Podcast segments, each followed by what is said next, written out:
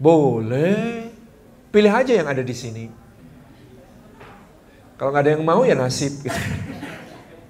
Enggak, enggak, begini. Uh, pemilih dalam arti seorang mukmin itu seleranya tinggi. Maka milihnya itu alasannya juga karena Allah. Makanya dulu Imam Ahmad itu kepada laki-laki kalau mau memilih seorang wanita, dia dibolehkan tertarik pada fisiknya dulu. Boleh kamu tertarik fisiknya dulu, tapi habis itu tanyakan solihah atau tidak. Kalau solihah lanjut, kalau tidak berhenti. Maka kamu benar karena menolak atau menerima sesuatu berdasarkan agama. Jangan sebaliknya. Bro, ada calon bro solihah, Masya Allah. Oh ya bro, oke, okay, minat deh bro. Lalu tanya, cantik nggak? Kirimin foto. Nggak jadi bro, nggak minat bro. Nah kalau begini caranya kata Imam Ahmad, dia salah. Karena dia menolak bukan karena alasan agama. Jadi perhatikan di sini penting. Beda urutan bisa jadi masalah besar. Ahwat juga begitu. Saya sih tertarik. Tanyakan solih atau enggak. Kalau solih yes, kalau enggak no. Jangan ngebet. Ya Allah, kalau dia memang jodohku, nikahkan kami ya Allah. Kalau dia bukan jodohku, jodohkan kami ya Allah. Kalau dia jodohnya orang lain, putuskan jodohnya dan jodohkan denganku ya Allah gitu ya. Tidak perlu karena kemudian yang namanya soal jodoh ini sensitif. Jodoh kita sudah tertulis di lauhil mahfud, nggak mungkin ketuker. Tapi yang namanya Siti Jamilah ataupun Muhammad Jamal ya tetap akan Muhammad Jamal dan Siti Jamilah cuma diambil dengan cara berbeda maka juga akan diberikan dengan cara yang berbeda gitu ya. Dan semuanya menjadi yang penting rasanya. Karena rasa nggak pernah bohong. Itu problem. Maksud saya begini ada orang minta baik-baik sama Allah, maka Allah memberikannya dengan dengan uluran lembut. Ada orang minta dengan jalan yang tidak diridai Allah, maka Allah juga berikan dengan dilempar penuh murka. Sama-sama uang 10 juta, kalau 10 jutanya dalam amplop tertutup warna coklat, baunya wangi, diulurkan dengan penuh kelembutan sambil tersenyum, monggo mudah-mudahan manfaat, mohon maaf ya cuma bisa ngasih segini, itu nerimanya enak. Tetapi kalau 10 jutanya bentuknya uang receh 200-an rupiah semua dalam sebuah karung, karungnya habis diambil dari tempat sampah, bau busuk, dilempar penuh murka, sambil kita dicaci maki, 10 juta itu rasa sakitnya nggak akan hilang bertahun-tahun.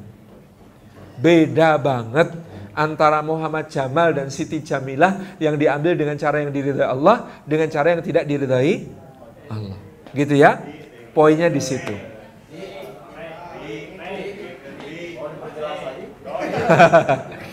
nah, kalau yang dimaksud adalah inisiatif, maka saya sering menyampaikan di latar budaya Indonesia memang tidak lazim wanita mengajukan diri terlebih dahulu. Di masa Nabi SAW itu ada seorang perempuan yang kemudian, Masya Allah ya, dia berani di majelis Rasulullah kemudian dia berkata, Ya Rasulullah, tidakkah engkau berkenan untuk menikahiku? Itu di forum. Anas bin Malik ini lihat putrinya komentar dengan negatif. Komentarnya gimana? Ih, gak tahu malu, ih, mosok nawarin diri gitu. Kata Anas bin Malik, kamu yang bodoh. Wanita itu seleranya tinggi, maka dia tawarkan dirinya kepada Rasulullah Sallallahu Alaihi Wasallam. Daripada kamu, enggak. Lalu Rasulullah ternyata memandang ke arah lain, artinya beliau tidak berkenan. Wanita itu kemudian berkata, Ya Rasulullah, kalau engkau tidak berkenan, maka tunjuklah sahabat yang kau ridhoi untuk menikahi aku. Lalu sahabat ada yang ngacung, saya ya Rasulullah, gitu ya. Akhirnya kemudian menikah dengan sahabat Nabi Shallallahu Alaihi Wasallam. Enggak rugi, gantungkan cita-citamu setinggi langit, karena kalau kamu jatuh, kamu jatuh di antara bintang-bintang. Ya, setinggi langitnya Rasulullah, bintang-bintangnya sahabat Nabi. Tapi jangan mimpi setinggi langit, karena kalau anda jatuh, berarti tidurnya kurang ke tengah.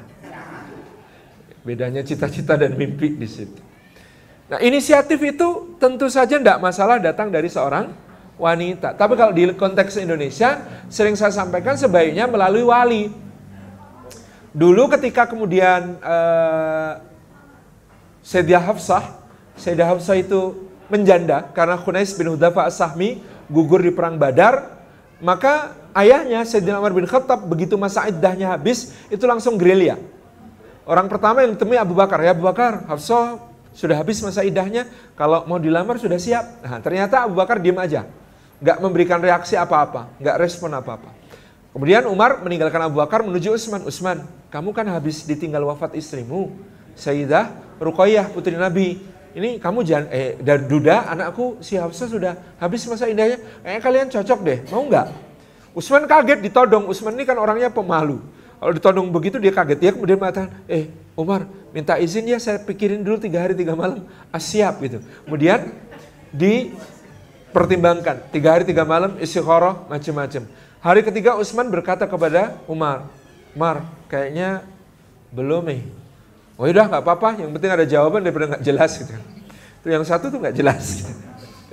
Kemudian Umar menemui Nabi SAW dengan mengadu, ya Rasulullah kenapa ya nawar-nawarin Hafsah ditolak. Terakhir nih Utsman juga nggak mau, kenapa ya? Nabi SAW berdoa, semoga Allah mengaruniakan kepada Hafsah lelaki yang lebih baik daripada Utsman dan semoga Allah mengaruniakan kepada Utsman wanita yang lebih baik daripada Hafsah. Ternyata itu kode doa sekaligus kode. Beberapa hari berikutnya Utsman dinikahkan dengan Ummu Kulsum, adiknya Ruqayyah, lebih baik daripada Hafsah, putri Nabi, gitu ya.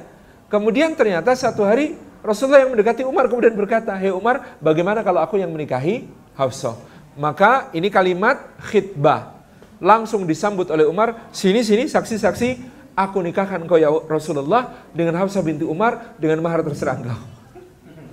Lalu dijawab Rasulullah, "Aku nikahi terima nikahnya Hafsah binti Umar dengan mahar begini-begini, selesai. Jadi khidbah ijab kabul jadi satu. Efisien. Kemudian walimah. Nah, ketika walimah apa yang terjadi? Itu ya. Abu Bakar, Abu Bakar mendekati Nabi Shallallahu Alaihi Wasallam dan juga Umar. Dia mendekati Umar kemudian berkata, eh Umar, masih kesal ya? Lah iya, nggak jelas. Masa ditanya diem aja. Sebenarnya waktu kamu nawarin siapa juga yang nggak mau. Lah kok nggak ngomong? Cuman beberapa sebelumnya saya juga mendengar Rasulullah nanyain Hafsah. Itu juga kenapa nggak cerita? Saya nggak mungkin membuka rahasia Rasulullah sebelum beliau sendiri yang menyampaikannya. Itulah hebatnya Abu Bakar ya. Kalau anda ditawari, dengar teman sebut-sebut kan, ini kesempatan, ini kesempatan. Nah akhwat, maka silakan tugaskan wali-wali anda, bapak ke atas, kakek ke atas, paman ke samping, abang-abang naik turun, semuanya itu bisa ditugaskan untuk bukan cuma jadi juri, tapi menjadi panitia mencarikan suami yang soleh. Ya.